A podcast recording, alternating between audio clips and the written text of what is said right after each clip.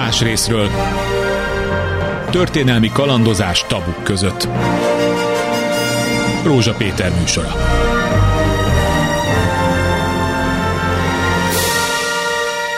Szinte állandó politikai viták tárgya, jó napot kívánok, az, hogy a nemzeti jog és az uniós jog határán mikor ki, hogyan dönt, mikor melyiket kell elővenni, melyiket kell alkalmazni, és ez leginkább ö, különböző bírósági pereknél artikulálódik. Emlékeznek bizonyosan arra, hogy előfordult olyan eset, hogy egy magyar bíró egy ügyet tárgyalva megállította a permenetét, és az Európai Bírósághoz fordult, és kért egy értelmezést, hogy szinkronban van-e az európai joggal az a paragrafus, amit neki itthon alkalmaznia kéne. Még meg is bélyegezték, vagy legalábbis megtámadták érte, mert a kúria nagyon megharagudott rá, és vannak olyan esetek, amikor azt mondják szakemberek, hogy ez a mi dolgunk a nemzeti jog alkalmazása, és nem mi dolgunk eldönteni, hogy az európai irányelvekből mit veszünk át és mit nem. És van egy másik tábor, amelyik azt mondja, hogy teljesen egyértelművé kell tenni, persze jogvitákkal kísérve, hogy az európai jogot mikor és az irányelveket esetekben kell kötelező a bíróságoknak alkalmazni. Lesz majd néhány példánk, amin keresztül megpróbáljuk ezt a bonyolultnak látszó ügyet megvilágítani a mai vendégeinkkel. Más részről. Az első vendég Marcingos László ügyvéd. Jó napot kívánok. Hát jó napot, nem tudom, hagyadik alkalommal futunk neki hasonló, ugye? Devizaügyekkel kezdtük, hogy akkor gyorsan visszakapcsolok, mert sokan az ön nevét össze is kapcsolják azzal, hogy a deviza károsultak ügye hol tart. Van-e újabb európai bírósági irányelv, ami rengeteg. segít majd hát a irányelv az változatlan ugyanaz, de rengeteg Európai Uniós bírósági ítélet van, amit, hogyha kicsit sommázok, Ítélek? igen, akkor ezek az európai bírósági ítéletek gyakorlatilag az elmúlt tíz év magyar bírói gyakorlatát teljes egészében irányelvel ellentétesnek minősítették. Tehát eddig, eddig, hogyha hivatkoztam az Európai Igen. Bírósági ítéletekre, akkor mindig az volt, hogy ez nem így van, én butaságot beszélek, mert a kúria megmondta, így, így úgy. És közben néhány évvel ezelőtt, olyan két évvel ezelőtt fordította az Európai Unió Bírósága a megfogalmazásán, nem azt mondta a bármely nemzeti bíróság által kiküldött kérdésre, hogy miként kell értelmezni az uniós jogot és az irányelvet, hanem immáron a közelmúltban úgy fogalmaz, hogy irány irányelvel ellentétes az a nemzeti bírósági gyakorlat. Ugyanis az kellett például a magyar bíróknak, hogy amit ők csináltak, erre az EUB azt mondja, hogy ezt így nem lehet. Ez irányelvel ellentétes, ez tilalmazott. És úgy néz ki, hogy ebből elkezdtek érteni. Ezért van... Az Európai Bíróság nem azt mondja, hogy mit kell neked csinálni, hogy kell értelmezned, mit vegyél figyelembe, globálisan azt mondja, hogy az adott ügyben ez a gyakorlat, amit itt a bíró folytat, az az európai irányelvvel mondjuk ellentétes vagy megfelelő, és a... akkor ez szerint tud tovább lépni a bíró. Igen, de hát ez nagyon részletesen indokolt, tehát itt nem csak az van, hogy, hogy közli oda egy odavetett bekezdésbe, hogy ez ellentétes az irányelvvel, hanem utána 80 bekezdésen keresztül részletesen ja, megindokolja, nagyon roppant részletesen. Jó, egy pillanatra még akkor a devizőgyeknél maradva, mert az a legfontosabb, hiszen tömegeket érint még a mai napig, az, hogy azok a szerződések, amelyek így sutyomba meg lettek kötve, gyorsan szakmányban annak idején is nyakra főre vették fel a svájci fran alapú elsősorban hiteleket, azokra globálisan nem mondta ki az Európai Bíróság, hogy azok a szerződések semmisek, csak bizonyos típusánál mondta ki, nem? Nem. Az Európai Unió Bírósága az soha, soha nem fog eldönteni egy tagállami bíróság előtt ö, megindult jogvitát. Azonban, mivel a magyar jogalkotó és a kúria felismerte még a Kásler ügy kapcsán 13 14-ben, hogy a vételes eladási árfolyamok alkalmazása tisztességtelen, ezért gyakorlatilag nem merült fel kérdésként soha, hogy az összes szerződés érvénytelen. Az összes fogyasztói szerződés. Ez soha nem volt kérdés. Kérdés az volt, hogy az a megoldás, amit a magyar jogalkotó és a kúria kifundált, hogy behelyettesítjük majd az MNB árfolyamot, erre mondta ki azt márciusban, idén márciusban a C6 per 22-es ítéletben a bíróság, hogy az a megoldás, hogy kogens normát helyettesítenek be, amit a magyar jogalkotó válaszolt, ez az irányelvel ellentétes, azért mert, mert, és utána végig darálta. Magyarul azt mondja a magyar bírói gyakorlat és a kúria azt támogatja, hogy ha kiderül egy szerződésre, hogy abban van egy tisztességtelen elem, akkor utólag belenyúlunk, korrigáljuk, és rendbe tesszük. Na ez az azt irányelvel azt, azt mondja az EUB, az Európa, hogy nincs ilyen. Ha egy szerződésben egy tisztességtelen elem van, akkor az egész szerződés adnak tekinthető? Ö, nem minden nem. Ö, elemre igaz, de a vétel és eladási árfolyam ez egy olyan lényeges a... elem, ami bedönti az egész szerződést. Magyarul tehát, hogyha valaki, amikor megkötött ezt a szerződést, és azt mondja rá a bíróság, hogy nem lehetett az illető tisztába azzal, hogy 4-5-6-8 év múlva a forint és a svájci frank árfolyam... Nem, nem, nem, nem, nem, ennél sokkal egyszerűbb az no. Ez sokkal. A régi magyar polgári törvénykönyvben is benne volt a 200. parafusba, hogy ellenszolgáltatás csak szolgáltatás nyújtása mellett lehet követelni. A vételi és eladási árfolyamra azt mondták, hogy tényleges pénzváltás volt. Kiderült, hogy nem volt tényleges pénzváltás. Ez egy olyan kogens, kötelező rendelkezése a polgári törvénykönyvnek, amitől nagyon nehezen mondhatni egyáltalában véve nem lehet eltérni. Ezek a szerződések alapjába véve nem azért érvénytelenek, mert hogy mit tudott a fogyasztó, mit mérhetett fel, ha hanem olyan jogi megoldást alkalmaztak, amit tiltott volt. Hm. Egyszerre objektíve, és ezt mindenki tudta, a kúrián mindenki tudta az összes magyar bíróságon. És mégis tíz év háború kellett ahhoz, személyes konfrontáció, akár a bírói karnak a részemről, vagy kollégáim részéről, hogy elverjük az egész az összes ügyet az Európai Bíróság elé, és ott kimondják azt, hogy a kúriának a gyakorlata irányelvel ellentétes, az ítélkezési gyakorlat irányelvel ellentétes. Tehát megkapta a magyar bírói kar a bizonyítványát az elmúlt tíz évről. Az a kérdés, hogy hogyan lépünk tovább, és az a kérdés, hogy hogyan nyerheti vissza a magyar bírói kar az igazságszolgáltatásba vetett bizalmat azért ne öntsük le a bírói kart szerintem, hát hiszen látjuk, hogy milyen sokszor konkrét politikai nyomás alatt korrekt ítéletek születnek. Szóval Ö, igen, de én erre azt szoktam mondani, Szinte azt mondom, hogy... hogy az utolsó bástya a bíróság, ahol még bízhatunk abban, hogy a jogalkalmazás végig. Igen, igen, igen, ezt így el lehet mondani, például büntetőügyekben elég erőteljes ellenállás van, magánjogi ügyekben is van, kivéve a devizaügyek. Tehát ez a, ez a deviza ügycsoport, ez, ez, ez annyira nagy jelentőségű, hogy, hogy az a bíró, aki egy jogelvet alkalmaz mondjuk egy magánjogi jogvitába, ugyanazt a jogelvet, vagy ugyanazt a paragrafust már egy devizás ügyben nem hajlandó alkalmazni, hanem pont az ellenkezőjét teszi. Egyetlen egy esetben sem? Senki nem vállalta még Gyakorlatilag, gyakorlatilag most júliusban volt a fővárosi ítélőtáblának egy másodfokú eljárása, ahol egyértelműsítette az eljáró tanács, hogy a DH törvényeket félreteszi, mert a DH törvények korlátozzák a, a, a fogyasztónak a jogérvényesítését, félreteszi a kúriának a különböző úgynevezett precedensselegű határozataiban megjelenő álláspontját, mert ez ítél, irányelvel ellentétes, és gyakorlatilag biztosította tíz év elteltével el először ügyfelemnek azt a jogát, hogy a DH törvényes úgynevezett jogvédelmet visszautasítsa, és gyakorlatilag kiderült, hogy ezeknek az érvénytelen szerződéseknek a jogkövetkezményét úgy lehet és úgy kell kötelező orvosolni, hogy a fogyasztó pusztán, tisztán csak a tőkét adja vissza, sem kamat, sem járulék, semmi az ég a világon nem terheli.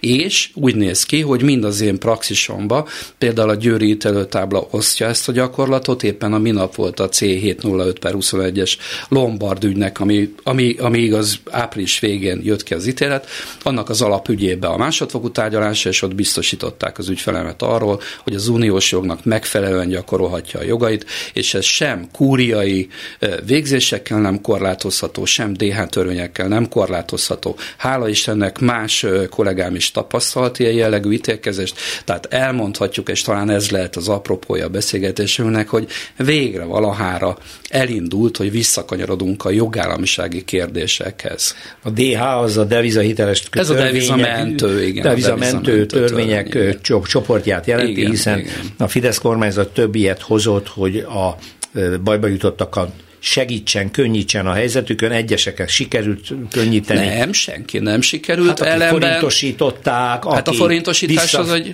hm? Válthatták. Pont azt kérdezte tőlem az Európai Bizottság a nyáron, nyár végén, hogy én ezt mutassam neki ki számszakilag, hogy hogyan alakul, hogyha valaki számszerűen felvesz 10 millió forintot és lefuttatja a szerződést, hogy abban nincsen semmi hiba. Mi van akkor, hogyha ez a szerződés bebukik, mi van a forintosítják, mi van akkor, hogyha csak a tőkét kell visszaadni. Itt bor borzasztó nagy differenciák vannak, óriási nagy különbségek. A forintosítás az, az nem megmentés, az azt jelentette, hogy valaki a három-négyszeresét köteles annak visszafizetni, Igen, mint amit árat, hogy azon Igen, tehát ez a, ez a tipikus, ez a, ez a tipikus ilyen politikai ö, elképzelés, hogy beállítjuk, azt mutatjuk, hogy valakit megmentünk, de tulajdonképpen belöktük a szakadékba. Kit mentett meg a kormányzat, a bankokat. A bankoknak biztosított egy olyan tisztességtelen hasznot, ami elfogadhatatlan az Európai Unióban. a hasznukat. Meghagyta, meghagyta az eredeti hát meg megpakolta, meg, meg, meg megpakolta. Igen, ö, igen. Ö, na most tehát nyilván innen válik politikai bá, és akkor kilépünk a szakmai körből, csak én teszem hozzá, hogy egy egy egész pénzügyi rendszert meg tudna ingatni, ha hirtelen az összes érintett bank kénytelen lenne kártérítést fizetni. Ez nem, kárter, rész, ez nem kártérítés, de egyébként megingatja. Ha Tehát akitől többet vettek el, mint a tőke, azt adja vissza. Aki, akitől a háromszorosát követelik, az, attól csak az egyszeresét vegyék el, ami jár. Ez azt jelenti, hogy az összes faktor cég, aki abból él, hogy rátelepül a, tiszta, a, a szerencsétlen fogyasztókra, be, és viszi az ingatlant, itt mindent vissza kell adni. Tehát gondoljunk bele, hogy itt a mit ilyen cégek, hogy EOS, Intrum, OTP Factoring. Van hát ezek, jobban, hogy bár lefutatott tudják visszaállítani az eredeti állapotot, hát az eredet, már nem lehet? Ö, ezt most ne a jogi megközelítését nevezzük, hanem rendezzünk vissza mindent a zöld kájhához. Tehát, hogyha valakit, valakit sérelemért, akkor azt reparálják, azt, azt, azt, azt tegyék helyre. Tehát itt, itt becsületesen kell eljárni, és ennek az egyik eszköze a jog, a másik eszköze lehet a politika. Az a kérdés, hogy ha és nem csak devizaügyre beszélve, most már kicsit tágítanám a kört, ha vonakodik egy nemzeti bírói bírósági rendszer az irányelveket betartani, annak lenne olyan következménye, ami súlyos, ami tehát kényszerítőleg had, vagy ez belátás és mondjuk együttműködés kérdése. Menjünk ezen a nyomvonalon tovább a következő percekben. Más részről. A második vendég Flex Zoltán jogszociológus, aki hallgatta a technikai helyiségben, hogy itt Marcingos úrral miről beszélgetek, és akkor feltettem azt a nagy költői kérdést, egy elég globális témakör, hogy mi az, ami eldönti, hogy egy magyar bíró egy adott ügyben megkérdezi az Európai Bíróságot, hogy az irányelveknek megfelelő lehet-e az a jogalkalmazás, amit neki kell a hazai jog alapján, ezt önmaga belátja, és akkor megcsinálja, vagy pedig ehhez kellene egy egész ö, ö, rendszer, hogy a kúria mondja ki végre, hogy minden egyes európai bírós, ö, ö, európai jog ö, alkalmazandó adott esetben a magyar bíróságokon. Ez hogy van egyáltalán? Nem, hát ahhoz nem kell ö, semmi más, mint ö, annak a tudata, hogy az Európai Unió ö, tagjai vagyunk, és a magyar bíró az az Európai ö, Unió jogát is alkalmazza. Itt most nem menjünk bele abba a kérdésbe, hogy milyen viszonyban van egymással elméletileg a európai jog és a, a nemzetállami jog. Minden a viták vannak egyébként, Aha. de a, a magyar bíró helyzetét talán azért zékelteti a legjobban, hogy Miközben egyébként ez az elvárás, hogy ő a függetlenségének részeként Igen. maga döntse el azt a kérdést, hogy például az előzetes döntéshozási eljárást alkalmazza-e, tehát megkérdezi az Európai Bíróságot, hogy vajon, hogyha a magyar jogot alkalmazza, az nem ütközik-e az európai jogba. De azt is tudjuk, hogy a bírák egy szervezeti kultúrának a részeként működnek, és ez a szervezeti kultúra az elmúlt években súlyosan sérült, ami a bírói autonómiát illeti. Tehát ma az az abszurd helyzet van, hogy egy európai tagállamban egy európai bírónak bátorság kell ahhoz, hogy a, az európai fórumokhoz forduljon, nem segítségért, hanem értelmezésért. Most ugye az lenne az elvárás, hogy, hogy ez magától is működjön. Valóban, ha összeütközés van, az segítség a nemzeti bíróságoknak, hogy az értelmezésben ezeket a surlódásokat valahogyan az Európai Fórum rendezze. De hát arról is tudunk, hogy, hogy komoly fenyegetések érték a magyar bírókat is. És ez a fenyegetés nagyon érdekes, mert viszonylag a kívül kívülálló keveset tudhat róla, de aki azt számba veszi, hogy mondjuk a törvényszéki elnökök, tehát a megyei szintű elnökök, őket már a Handó Tünder rendszer, ugye rendszeresen, módszeresen és politikai okokból lecserélte. Ugye a lojalitás volt az elsődleges szempont. Hogy a kúria elnöke az tisztán és egyértelműen politikai döntéshozásként, vagy döntéshozási fórumként tekinti a kúriát, és elképesztő nyomás alá helyezte nem csak a kúriai bírókat, hanem ezáltal a, ugye a jogegység eszközén keresztül a egész bírói kart, akkor, akkor azt kell mérlegelni, hogy vajon egzisztenciálisan valóban nem érthetjük-e meg azt a bírót, aki tartózkodik, fél, meggondolja, hogy hogyan is ítélkezzen. Tehát ugye egy olyan környezetben vagyunk, ahol az Európai Unió, az európai joggyakorlat, az európai jogállami kritériumrendszerek, azok ellenségnek vannak beállítva. Tehát van egy sajátos politikai helyzet, ami arról nem tudja kivonni magát a bíró, ő is magyar állampolgárként pontosan érzi, hogy ez hogy van.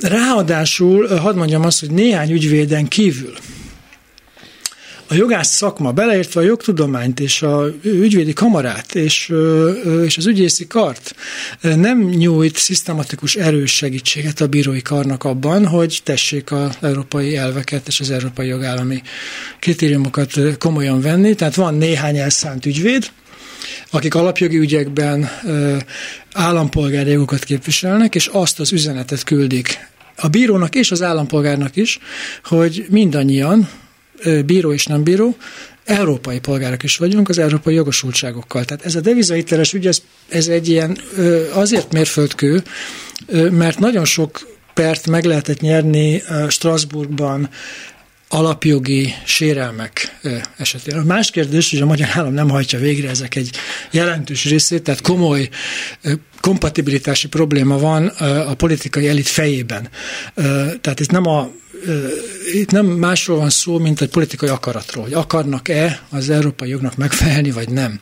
Láthatólag nem akarnak, de a devizahiteles ügyek azok nagyságrendeket több embert érintenek, mint Igen. a klasszikus politikai alapjogok. Ebben az értelemben tehát, ha történik áttörés a, jogért, a magyar bíróság jogértelmezésében, akkor az valóban nagy jelentőségű, mert talán esély van arra, hogy a magyar állampolgár is érezze, hogy az Európai Unió való jogi, politikai, társadalmi és kulturális szembenállás az az ő bőrükre megy. Igen, precedens lenne, talán mert sok embert érint, és majdnem minden második, harmadik családban van valamilyen korai devizahiteles szerződés, ami aztán vagy jól működik, vagy nem, de már volt mindegyikkel konfliktus, és ha itt születik egy ilyen döntés, akkor politikai állásfoglalástól is függetlenül azt lehet mondani, hogy hoppá, akkor van jogvédelem, van jogállam csírájában, de akkor nézzük a többit hogy ott hogy alkalmazzuk hát, ezt a dolgot? Hát pontosan erről van szó, hogyha felbátorodik a bírói kar, és látja azt, hogy, mert hogy mi, mi mindig megkérdezik, hogy engem mi motivál. 10-20 éves távlatban? Hát az, hogy, hogy, hogy az én sikerem, amit elérek az Európai Bíróság előtt, annak a haszna terjedjen ki a bírói karra is. Lássák, hogy ők független bírók. Ők, ők nem pártosak, hanem, hanem rendesen, objektíve fogják megítélni ezeket a jogvitákat. És nekik nem csak joguk, hanem kötelességük a gondolkodás és az, hogy ők szabadon döntsenek az uniós jognak megfelelően. Hogyha minél több bíró fog ezen felbár bátorodni, akkor kinevelődik egy olyan új bírói generáció, ahol már nem vetődik fel az a kérdés, hogy milyen érdekből dönt úgy, ahogy dönt. És ez a közös társadalmi érdek. nagyon nem, a nem, fejét, egy, hogy kicsit, kicsit szkeptikus vagyok, mert szóval miközben elismerem, hogy ez, ez jelentős eredmény, tehát emberek, családok, tömegeinek az életén fog segíteni. És még azt is gondolom, hogy társadalmi attitűdök tekintetében akár még jelentős változást is érzékelhetünk. A bírói gyakorlat azonban és a bírói ö, szocializáció, szervezeti kultúra olyan sok tényezőtől függ, ö, hogy más nem mondjak, a, a jogtudomány, jogászképzés, ö, szakmai ö, etikák, ö, belső szervezeti kiszolgáltatottságok, még a közoktatással is kapcsolatban van, hogy van-e esély arra, hogy egy következő generáció máshogy fogja érzékelni az Európai Uniós tagságot és a jogosultságokhoz máshogy nyúl. A történelemben, a modern történelemben viszonylag ritkán történik meg, hogy a bírói karon fordul meg egy politikai irányzat. Tehát most mondhatjuk azt, hogy talán hipotézisszerűen, hogy annak van köze a, a talán a, néhány napon belül egy Tusk kormány lesz Lengyelországban. Valami összefüggés van azzal, hogy a bírói kar is sokkal határozottabb ellenállást tanúsított politikai értelemben is, és jog alkalmazás értelmében is, de azért ez az összefüggés gyenge, mert, azt, mert tudjuk, hogy sok minden máson is múlt, múlt ez, a, ez a dolog. Tehát van egy bezártsága ma a bírói karnak, súlyos bezártsága, amiben szakmákra, saját tradícióira és, a, és, és más kollégákra sem hivatkozhat. Tehát nincs, nincs igazából segítsége. Egy magára hagyott bírói kar akkor tud igazából tényleges politikai, jogi, joga, jog, értelmezési előrelépést tenni, paradigmaváltást tenni, hogyha maga mögött tud valamilyen társadalmi támogatottságot, Igen. szakmai támogatottságot. Ez nagyon érdekes dolog, mert azt, vár, azt gondoljuk, hogy a bírói függetlenség ugye elfalazza a Igen. társadalmi politikai környezettől a jogot, de ez nem így van. Ha tehát politikai a, nyomást nem fogadunk el, akkor társadalmi de, nyomást sem De ezek emberek, ezek, ezek emberi, emberek döntenek. Ugye mindig azt kell látni, hogy a jog gépezete, az persze szeretjük egy ilyen kafkai gépezetként hát látni, az, hát persze, de ezek emberek. emberi döntések. Hogyne, hogyne. Emberi döntések, és ráadásul van egy csapdája a politikának szerintem. Tehát azzal, hogy, hogy túlpolitizálta a bírói jogértelmezést és jogalkalmazást, ezzel egyrészt provokálta a, a szakmai ellenállást, tehát csupán nem politikai bátorságból, csak szakmai tisztességből Ma már szembe kell állni a kormányzati akarattal. Na most ez egyébként egy fordulópont lehet ebben az értelemben, mert hogyha valaki tisztán csak a szakmai becsületéhez Igen. és a szakmai kvalitásaihoz ragaszkodik, akkor kénytelen lesz például az európai jogot alkalmazni. Én őszintén szóval azt gondolom, hogy, hogy eddig is félig szégyenkezve, bátortalanul hajtották a giotin alá a fejüket a, a bírók, de igazából a, a nagy áttörés akkor lenne, hogyha ha a bírói szervezet képes lenne a továbbképzésben, bírák, bírák kiválasztásban, a vezetőik megválasztásában, az új tagok megválasztásában érvényesíteni azt, hogy ők egy autonóm, máshogy gondolkodó, európai, jogállami szervezetrendszer. Szóval ez azért nagyon nehéz ügy. Kettő dolog, amire, amire tudok hivatkozni. Egyrészt elnézést kérek az optimizmusomért, nem, nem rám jellemző egyébként, de most nagyon, nagyon ki akartam térni a, a pozitív irányba. Két dolog van, oktatás, amiről majd mindjárt beszélek, és vannak teljesen privát, egyszerű, magán, emberi kapcsolatok. Igaz, én még az utolsó évfolyam voltam az egyetemen, aki még volt katona ez nagyon régen volt, ez 89-ben volt. És ezek a baráti kapcsolatok részben a katonasságonnál, részben az egyetemen kialakultak. Ha valaki ügyvédi pályára sodródott, de a barátom mondjuk bírói pályára sodródott, a mai napig mi eltiltottak vagyunk attól, hogy leüljünk egy kávéházba és megbeszéljük a világ folyását, ugyanis rettek tőle a bíró, hogy korrupcióval fogják igen, megvádolni igen, őt is, meg én is. Ez egészen odáig húzódik, ez a merev ellenállás, ami egyébként, ahogy Zoli mondja, hogy ezért ez az igazgatási vezetőségtől jön, mert ez úgynevezett integrációs sértés, sérelemként fogják fel, ami egy marhaság, azért mondjuk ki. Még azt is akadályozza, hogy például a bírói karnak egy bizonyos jogkérdésbe egy ügyvéd tartson előadást, aki adott esetben annak a szakterületnek egy jogtudományi magasságát képviseli. Nem, mert akkor az megint korrupció. Ennél rosszabb a helyzet, mert mondom neked egy perc, bocsánat, közben az egyet, ha én szervezek egy konferenciát egyetemi oktatóként, akkor ott is engedélyt kell kérni a bírónak, és ezt általában nem kapja hát, meg. De ez, ez nem a leg... kapja meg, hogy meghallgassa. Ez, ez a legrosszabb, és, és akkor hú, dobáljuk itt a labát. Az Európai Unió kifejezetten nagy összegeket fordított arra, hogy a bírói továbbképzést megvalósítsa. Ugyanis annak idején igaz a kopenhágai kritériumoknál azt vállaltuk, hogy alkalmasá tesszük a bírói kart, egyébekbe egy beleértendő az ügyvédi kart is az uniós jog alkalmazására.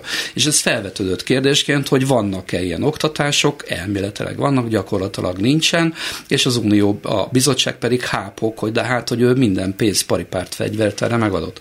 A másik dolog pedig az, hogy ez az oktatás kérdése. Nyilvánvaló, hogy amikor még én jártam egyetemre, akkor az uniós jogot, hát azt nem nagyon tudtuk még tanulni. Hát igaz, 89-től 94-ig, de az nem igaz, hogy nemzetközi jogot, magánjogot, ilyeneket nem oktattak, tehát az ember megkapta azokat az alapokat, hogy tudja, hogy hun van az leírva, hogy el kell olvasni az, az uniós alapszerződéseket. Na most, a, és most hagyd mondja a konkrétumot, és csak a, a saját ügyvédi karomnak a kritikájaként. Egyszerűen arról van szó, hogy a Magyar Ügyvédi Kamarának a legfelsőbb szintű vezetésének prominens tagjai, hagyd ne mondjak nevet, nem értik ezt az egész problémát, és a, az országos vezető fegyelmi főbiztos leírta több ügyben, hogy a magyar ügyvédnek az a lényege, az eszenciája, hogy az uniós jogot is majd értelmezni fogja. Ezek az emberek nincsenek tisztába az uniós alapszerződéseknek a tartalmával. És mégis az ügyvédi kar tagjaira egy olyan, egy olyan habitus terültetnek le, hogy itt mi azért, mert ügyvédek vagyunk, vagy azért, mert bírók vagy ügyészek, mi mindent vitatárgyává tehetünk. Ezzel gyakorlatilag azokat a kikristályosodott jogelveket, jogtudományi téziseket is kidobják a kukába, csak azért, mert ő nem eléggé felkészült, és ezért egy ilyen mismásolást kell csinálni, hogy elfedjék a tanulatlanságot. Ezzel, ezzel mit lehet tenni? De miben tanulatlanok az európai nem, jogban? Hát is. A jogtár, maradjuk azt, hogy a jogtárgyában. De, de egy bizonyos generáció, a nálamnál idősebbek egyáltalán nem tanultak uniós jogot. Hát ezt, hogy nem. Na de lehetett volna közbe tanulni, és lehetett volna hmm. elsajátítani, mert az uniós jognak általában, ha nagyon leegyszerűsítjük, de száfolj meg, ha nem így van, ez egy olyan fal, mindig az Európai Bíróság is mindig a korlátokat állítja fel, hogy éreznie kell egy jogásznak, egy ügyvédnek, egy bírónak, hogy elmentem a falig, és ott állj azon túl nem mehetek. Na de hogyha a Magyar Ügyvédi Kamara felsővezetése vindikálja magának a jogot, hogy mindent átértelmezzen, akkor halál van. Egy gyakorlati példa, ez most jutott az eszembe. 2019-ben született egy, egy Európai Uniós irányelv, ez a 2019-ben 1937, ez arról szól, hogyha valaki az uniós jog sérelmét véli felfedezni, és ez bejelenti, akkor a bejelentő személyét védelemben kell részesíteni, és nem lehet vele szemben indítani bűn büntetőjárás, stb. stb. fegyelmi eljárás. Mit csinált a magyar állam? Azt hiszem ez 2020 évvégéig kellett volna átültetni a magyar jogba, nem tette meg, eldőlt a Bivaja bizottságba, idén januárban elkezdett levelezni a magyar kormány, a márciusban meg is indult a kötelezettségszegés eljárás. Ha jól emlékszem, napi 13 és fél ezer eurós szankció mellett. Nyáron, július 25-én a magyar parlament, gondolom egy gombnyomással megalkotta a 2023. évi 25-ös törvényt, ami arról szól, hogy ennek a bejelentésnek, becsatornázási rendszernek, ennek hogyan kell elmennie. Na most rögtön három napon belül, vagy egy héten belül a Magyar Ügyvédi Kamara is átültette ezt az egészet.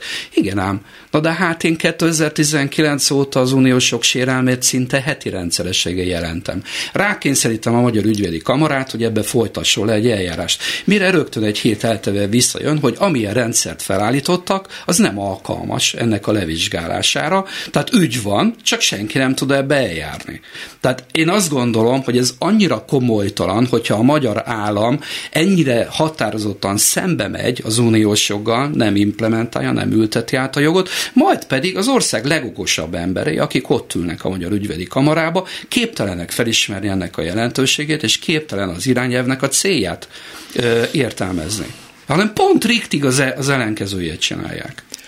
Nekem az jut ebben eszembe, és nem csak akkor a jogalkalmazásról beszélve, hogy számtalan ügyben az van, hogy nem lehet ennyi idő alatt egy olyan állapotról, ami az Európai Unióban való felvételünkkör volt, megugrani ezeket a grádisokat. Hát, Egyszerűen a tanulási folyamatra, a felkészítésre több időre lett volna szükség, mert, mert most már tagként kell megtanulni azt a irányelvrendszert, amit előtte kellett volna megismerni. Igen, szóval, de, de ez a kocsi egy, egy, egy, két, nem, szóval egy, két, két dolgot hadd mondjak. Egyrészt 30 év hosszú idő, tehát nagyon sok évfolyam végzett és került be különböző jogalkalmazási helyekre.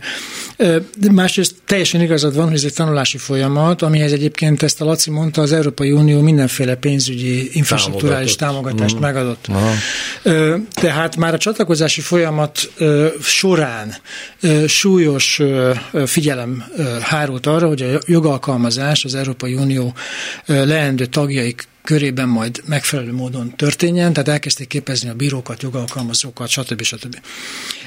Nem csak ezen múlik a tanulási folyamat, nem egyszerűen csak egy hivatalosan szervezett oktatási infrastruktúra, hanem a, hanem a környezet, ami, ami körülveszi a, az egész jogalkalmazást, és az a mentalitás. Tehát hadd mondjak egy példát, hogy sok helyen van vita a német állam is, a német alkotmánybíróság is vitatkozik az Európai Unióval. Uh-huh. Csak van egy elv, ami a vitát legitimé teszi politikai értelemben, az az, hogy a németek azt mondják folyamatosan, hogy az ő belső jogvédelmük az magasabb szinten áll, mint az európai. Igen. Tehát, hogyha nem tesz mást a bíróság, csak azt veti össze, hogy a magyar állampolgár, mint uniós állampolgár, mikor kap nagyobb védelmet az ő jogai gyakorlásában, akkor, hogyha a magyar hatályos jogot, vagy ha az európai jogot Nézi. alkalmaz egy összeütközésben, akkor ez a nagyon egyszerű hüvelykúj szabály elég lenne.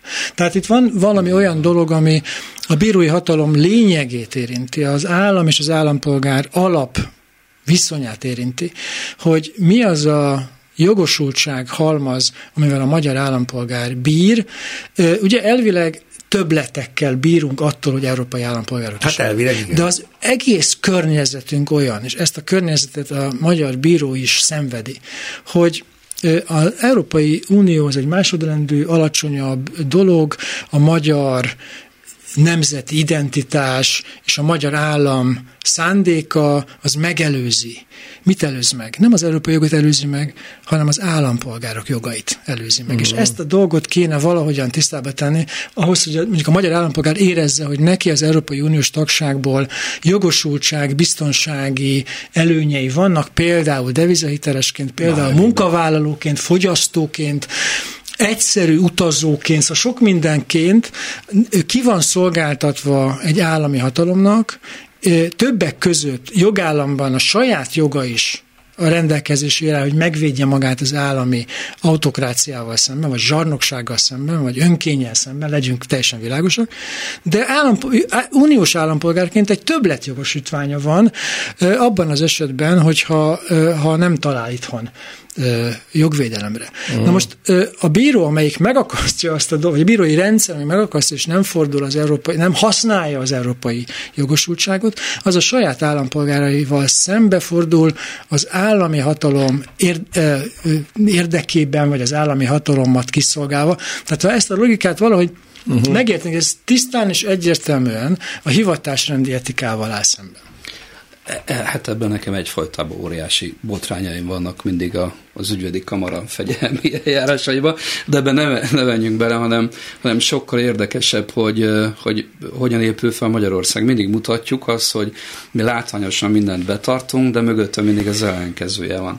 Igaz, van az Alkotmánybíróságnak egy 2016-os döntés, ez egy ilyen vadelütési ügybe született ez a római 4 per 333 per 2016, és itt arról volt szó, hogy nem azt a hatályos jogot alkalmazta a bíró, amit kellett volna, hanem ő kitalált egy alternatív jogi valóságot, és azt akarta. És egy gyönyörű alkotmánybírósági határozat született erről, ami kimondta, hogy az a bíró, aki eloldja magát a jog hatály alól, tehát nem alkalmazza azt a jogot, legyen az uniós jog vagy tagállami jog, az bizony az egy önkény. Egyrészt a tisztességes eljáráshoz fűződő jogot megsérti, és ezzel az önkényes bírói magatartással azt veszélyezteti a bíró, hogy saját döntése alapján a bírói függetlenséghez kapcsolódó jogvédelemtől is eloldja magát kiegyezte ezt az alkotmánybírósági határozatot, hát az egyiket úgy hívták, hogy dr. Varga Zsé András, Jaj, aki, aki a, mikor akinek a, a kúriának az elnöke pont az ellenkezőjét csinálják, csinálja. És, és a, a mai nap,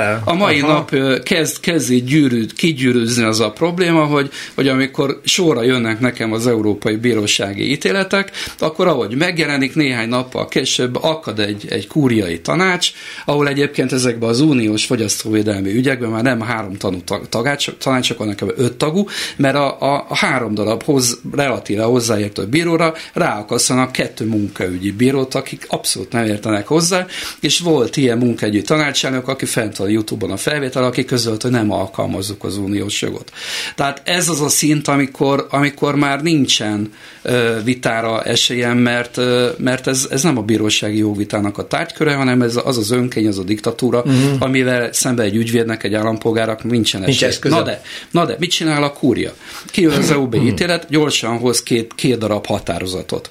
A két darab határozattal azt mondja, hogy miért nem fogom alkalmazni az uniós igen, bírósági döntést, igen, igen. majd amikor elkezdenek alacsonyabb szintű bíróságok ezzel szembejezkedni, és azt mondja, hogy kérem szépen, ez irányelvel ellentétes, ugyanaz a tanács kiküldi előzetes döntéshozatalra a saját végzéseinek a tartalmát, elbizonytalanodván abba, hogy amit ő csinált, az a, az a most mi lesz.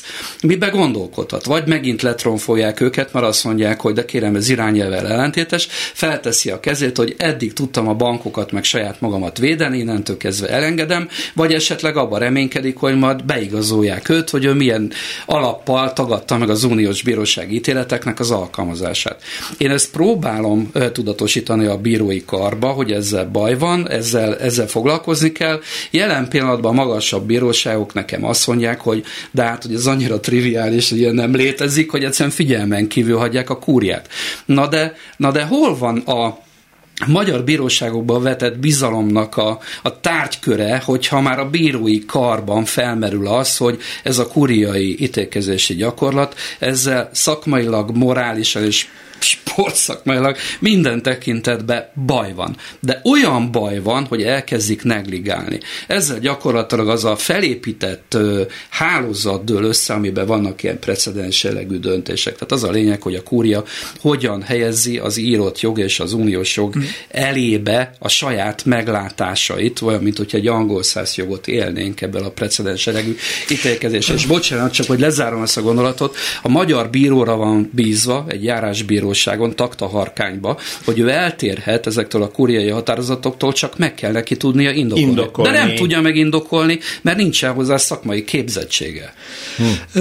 Szóval szerintem az van egyébként, hogy a, a kuria jelenlegi elnöke nagy szívességet tesz ennek a paradigmaváltás esélyének, éppen azzal, amit a, a Laci elmondott, mert hogyha ugye ügyesen csinálja a, a kúria, akkor azért képes a magyar állam ideológiájával és jogi jogi felfogásával kompatibilis kicsit cizeláltabb, kicsit szakmai irányvonalat mutatni a bíróságnak, és sokkal nehezebb ellenállni. Tehát lehet, hogy most egy helyi bíró nehezen találja az érveket, de a bírói karnak egy jelentős része a fővárosban és, és mondjuk a táblabíróságokon, törvényszékeken annyira erőteljesen politikai és provokatív a, a kúria megjelenése. És olyan típusú intézkedéseket hozott a kúria elnöke, amelyel egy egyértelműen a politikai befolyást nyíltan érvényesíti, hogy az tulajdonképpen provokálja Igen. a bírói kart.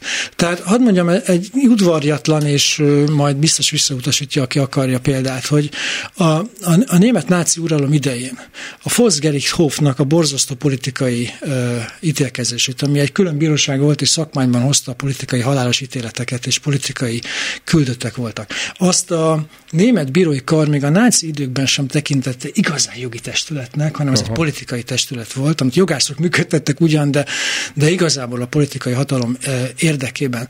Tehát a szakadást a bírói karon belül, ez tragédia egyébként, mert amit a Laci mond, az igaz, tehát, hogy az egy hierarchikus, cizellált rendszer, amiben egymáshoz kapcsolódnak az ítéletek. Ha politikai okokból leszakítjuk a tetejét azzal, hogy azt mondjuk, hogy na de hát ez nyilvánvalóan egyértelműen politikai, és, és a fontos ügyekben, ami az államnak fontos, majd azért lesznek választási ügyek, egy csomó olyan dolog, ami, ami közvetlenül politikai akarat, egyébként az állami vagyonnal, a politikai vagyonokkal, a politikai politikai szereplők büntethetőségével és egyébbel kapcsolatos ügyek is, akkor ki fog derülni, hogy, hogy tulajdonképpen nem egy bíróságról van szó, hanem sokról. Van egy politikai jellegű testület, amit kúriának neveznek, és van egy, egy ettől megszabadulni akaró, de ezt nagyon nehezen tudja megszabadulni akaró rendes szakmai bíráskodás. Két dolog jutott eszembe, az egyik az ebben a témakörben konkrétan, hogy amikor a Kúria egy európai bírósági döntés után azt mondta, hogy megvizsgáljuk akkor ennek az irányelvnek az alkalmazásának megfelelünk vagy nem, akkor a devizahiteles szerződések ügyében, ha jól emlékszem, a következő mondatot írták le, nem szó szerint, de tartalmában, megvizsgáltuk, és minden esetben megállapítható, hogy az adósok, akik felvették a különböző devizahiteleket, megkapták a megfelelő szintű tájékoztatást, tehát nincs itt semmi látnivaló, lehet menni haza. Ilyen egyszerű. És innentől ez egy sakmat. Azt mondja, értelmeztem az Európai Bíróság döntését, és úgy találtam, hogy minden rendben Ez volt. egy módszer. Ez egy Nagyon mód... jó módszer. Ez egy, olyan módszer, ez egy olyan módszer, hogy van a bíróságoknak egy vizsgálati kötelezettségük. Tehát ők ezeket a dolgokat, ahol ténykérdések válnak vitás, hogy valami történt, nem történt, ezt mind meg kell vizsgálni. Ezt nem vizsgálhatja meg magyar bíró, mert a kúria eldöntötte, hogy már pedig ez úgy volt előre, Jó volt. előre tíz éve megmondta, hogy erről mit kell gondolni. Ezzel nem ez a baj, hanem a módszernek az a lényege, hogy hoz az Európai Bíróság egy ítéletet, annak van egy betű és szöveg szerinti tartalma. Azt úgy kell szövegűen alkalmazni. Azt csinálja a kúria és alsófokú bíróságokat, ezekből kivesznek szavakat, beleraknak szavakat, Aha. teljesen a szöveget átírják az egész, egészet, és azt mondják, hogy na megmondta a bíróság, az uniós bíróság, hogy a magyar jog megfelel az uniós jognak. Na de sírva könyörgök, egyetlen egy ilyen európai bírósági határozat nincsen, mert a nemzeti jogot az Európai Unió bírósága hatáskör hiányában nem értékelheti. Nem. Ő azt mondja, amit Zoli mondott, hogy a tagállami jognak a védelmi szintje eléri az uniós jogét, meghaladja, vagy alacsonyabb. Mert hogyha alacsonyabb, akkor az félre kell tenni, és az uniós jog ugrik be. Tehát akkor, hogy hogyha a... Te, tegnap azt mondja nekem egy bíró egy, egy ügybe, hogy ebbe, nagyon érdekes ez a jogkérdés, amit felvetem, és keressünk rá bírósági határozatok tárában majd eseti döntéseket. És mondtam neki, hogy elnök úr, tanácselnök úr, nem lehetne, hogy nem BH-kat keresünk, hanem visszamegyünk a saját egyetemi tanulmányainkba, hát hiszen rengeteg jogtudóstól megtanultunk mindent, levizsgáztunk, és a jogtudományi alapokon fogjuk megközelíteni, nem úgy, hogy azt mondjuk, hogy itt ez a bíró döntött. Hát honnan tudjuk, hogy az jól döntött? Hát honnan tudja a bíró eldönteni, hogy amit alkalmazni akar, az helyes döntés, vagy nem, ha neki magának fogalma nincsen arról, hogy mi a helyes? Tehát egyszerűen ez egy olyan kontraproduktív ö, folyamat, hogy az valami egészen Keresett valami középértéket, az ő is tudna igazolni. Ami hasznos, ahelyett, ami hasznos maga... számára. Tehát az a lényeg a bíróságok, hogy leadminisztrálják saját magukat, hogy ő milyen frankon elvégezte a munkáját.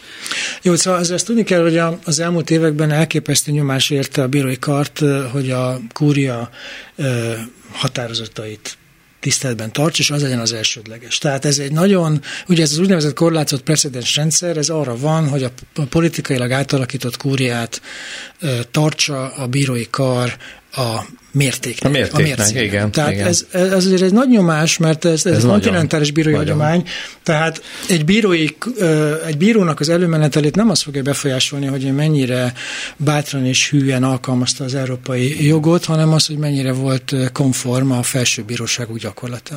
Ez, szóval ez, egy, ez egy egzisztenciális nyomás, amit fel azért nem szabad eltekinteni, és nem károztathatjuk a bírót mindenki. Na de Zoli, de hát ez át fog csapni egy olyan önkénybe, ami gyakorlatilag adott esetben bünteti jogilag is értékelendő. Az Európai Unió bírósági gyakorlata eléggé következetesen kimondta és utalta arra, hogy ez jogállamisági probléma.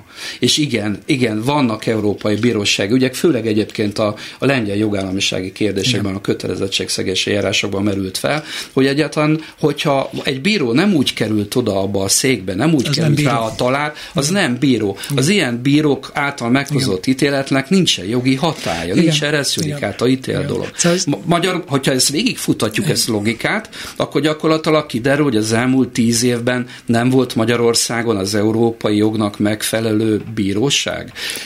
Egyfolytában ezért indítanak ellenem fegyelmi eljárást, mert szóvá teszem, hogy az Európai Unió alapszerződésében foglaltak szerint nem pártatlan és nem független az a bíró, aki a Zoli által elmondottak szerint befolyásolt a döntése meghozatalában.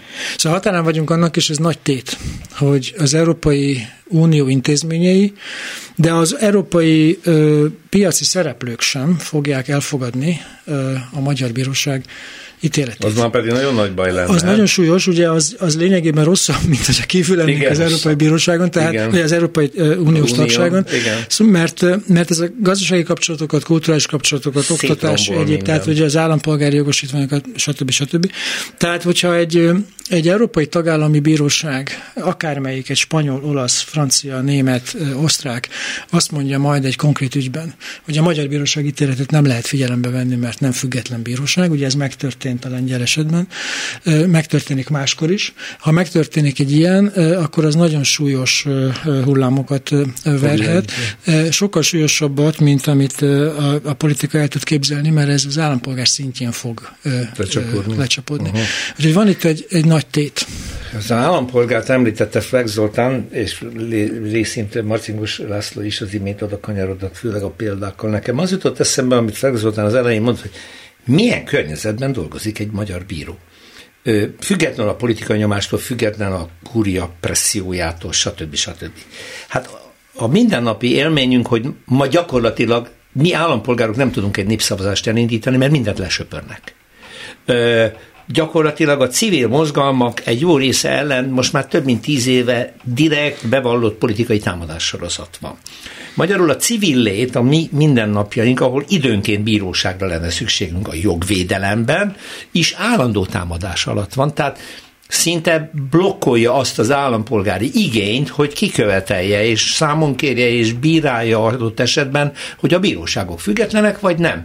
Örülünk, hogy vagyunk, mert már a civil szervezeteinket veszélyeztetik, mert már azok működését lehetetlenítik el pénzben és mindenben, már a legelemibb állampolgári jogok akkumulátorgyárak létesít, és nem tudnak népszavazást elérni a helyiek, mert lesöpri az országos meg a helyi választási bizottság. Tehát ez a környezet is ráerősít arra, amire Zoltán mondta, hogy a bírók állandó nyomás alatt vannak. Hát erre nekem apró pici információm van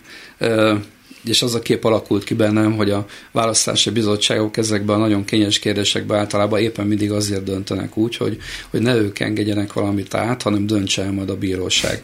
Tehát ez a, mindig, mindig a, mindenki igen. Magyarországon tovább Egyébként dobja alá. Csak az a baj, hogy ez a kúria Tehát ugye, ugye ott van a probléma, hogy, hogy, hogy van egy általános tendencia abban, hogy a politikai blokkolás idején minden szervezet, beleértve egyébként néha a parlamenteket is, megpróbálja a bírói hatalom térfelére nyomni a felelősséget felelősséget. Aha, döntsön igen. akkor a bíróság, alkotmánybíróság majd elintézi, nem vállaljuk a politikai felelősséget.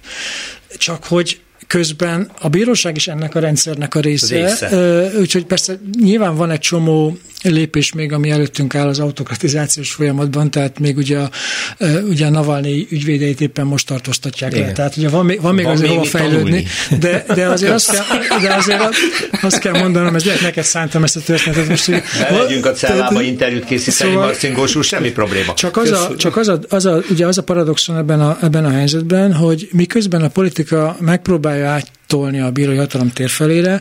Mégis azt kell mondanom, hogy a főszereplő abban a kérdésben, hogy mekkora autokratizációt tűr el egy ország, az mégsem a bíró meg a bíróság, hanem az állampolgár lesz. Igen. Tehát az, azért Igen. próbáltam hangsúlyozni azt a dolgot, hogy éreznie kell az állampolgárnak, hogy a bírói függetlenség sérelme az az őrére megy, mert, mert nem az a helyzet van, mint Izraelben vagy, vagy Lengyelországban korábban, hogy, hogy tömegeket lehetett a bírói függetlenség elleni politikai támadás idején az utcára vezényelni, mert, mert van egy olyan hagyomány, hogy tudják, hogy ez közvetlenül az ő bőrükre megy. Lengyelországban ott volt egy jelentős bírói ellenállás is, tehát ők maguk tudták ezt. Igen, igen. Na de Magyarországon nem ez a helyzet, tehát más csatornákon érdemes keresni ezt, amiben segítségre lehet egy bírói döntés, amikor tömegeket érint például ez a devizai De hát, de hát hadd mondjak még egy ilyen elkeserítő dolgot. Mi itt persze szívesen beszélünk, és még a nézettségünk is viszonylag nagy magunkhoz képest. Na de azért a sajtó, tehát a, ugye a közvélemény befolyásolása, a, a választásokon mérhető fordulata ezeknek az attitűdöknek. Tehát a bíróság akkor tud igazi társadalmi hatást elérni egy-egy ilyen mérföldkő ügyben, esetleg a fordulna ebben, például a kocka, és lenne egy állampolgár barát jogértelmezés, hogyha ezt azért kommunikálják, uh-huh. hogyha tömegekhez jut el. Na most tehát ezért gondolom, hogy a, a, jogá, tehát a környezetben nem csak az kerül bele, hogy milyen a jogi rendszer és a politika, hanem hogy milyen a médiaviszony, milyenek a civilekhez való kapcsolódások, milyen a helyi hatalom és a központi hatalom viszonya. Szóval itt nagyon lassú előrelépés kell, de azt kell mondanom, hogy nem, akar, én nem nagyon szeretem ezt a háborús frazeológiát, de minden fronton, tehát a, a média, a civilek, a, a jogértelmezés, a szakmai képzés, az iskola, a, tehát hogy, hogy alig tudunk olyat mondani, ahol ne kéne kiküzdeni az állampolgári jogokat, amilyen a bíróság segítségül lehet, de azt azért tálalni kell. De, de, de, de neked nagyon igazad van, mert én, én azon... De nem lehet rányolni mindent a bíróságra, hogy old meg, legyél EU-konform, és fogják, akkor én meg nem, nagyon jól ők, vagyok, de én meg nem a bíró, a bíró nem rendszerváltó, a bíró igen, egy konzervatív igen, foglalkozás. De, de, a, de lusta a magyar társadalom, mert engem is az a szólítanak partvonalon kívülre, hogy, hogy hát ez a devizások problémája, és közben hiába mondom azt évek óta, hogy nem, ez jogállamiság. Ez, ez, ez nem lusta, hanem egyszerűen elképesztően hiányzik a szolidaritás. Tehát ugye ez, barát barátaim mesélik el, a barátaim mesélik el, hogy, hogy, hogy amikor a tanárok tüntetése zajlik, akkor egy másik foglalkozáshoz odamész, aki szintén bajban van, és megkérdezi, hogy miért nem állsz a tanárok mellé, akkor az a válasz, hogy ez nem az én ügyem. Nem az ennyi. Na most ebben az értelemben tehát egy egy olyan rókafogta csuka helyzet van, vagy egy ilyen paradoxon helyzet van, hogy, hogy a jogállam akkor működik, ha létezik egy szolidáris társadalom, mert akkor ki, ki tudja kényszeríteni a hatalommal szemben ennek a tiszteletet. Meg normálra válik. De ugyanakkor, de, ugyanakkor, de ugyanakkor a jogállami működésmód erősítheti a társadalmi szolidaritást. Tehát, hogy melyik volt Oda előbb, vissza. azt nem tudjuk. Szóval van egy, van egy súlyos helyzet, amiből, amiből azért nem látjuk a kiutat, hogy azért gondolkodunk állandóan azon, hogy hol a kiút, mert a társadalmi ellenállás előtt van egy lépcsőfok, és ez a, ez a szolidaritás. Tehát nem, ne azt várjuk el az állampolgártól, hogy a jogállamhoz legyen szolidáris, hanem a másik emberhez legyen először. Tehát a, ugye a bíróságok iránti bizalom az marha fontos, de a másik ember iránti bizalom az még fontosabb, mert azon épül fel ez hát a dolog. Pedig ez egy bibliai alapvetés. Tehát, én, tehát nagyon furcsa, hogyha ha egy társadalom eljut arra a szintre, ahol a tíz parancs alatt egy egyszerűségű megítélés is már megkérdőjelezett. Igen, akkor a legközelebb egy teológiai szinten folytatjuk a beszélgetést. Flex Zoltán, jogszabályozással és Marcinkos László ügyvéddel. Köszönöm, hogy itt voltak, itt voltatok. Köszönöm a hallgatók figyelmét Sonfai Péter szerkesztő kollégám nevében is. Jövő héten újra jelentkezünk. Minden jót. Köszönöm. Köszönjük. Más részről. Történelmi kalandozás tabuk között. Rózsa Péter műsorát hallották.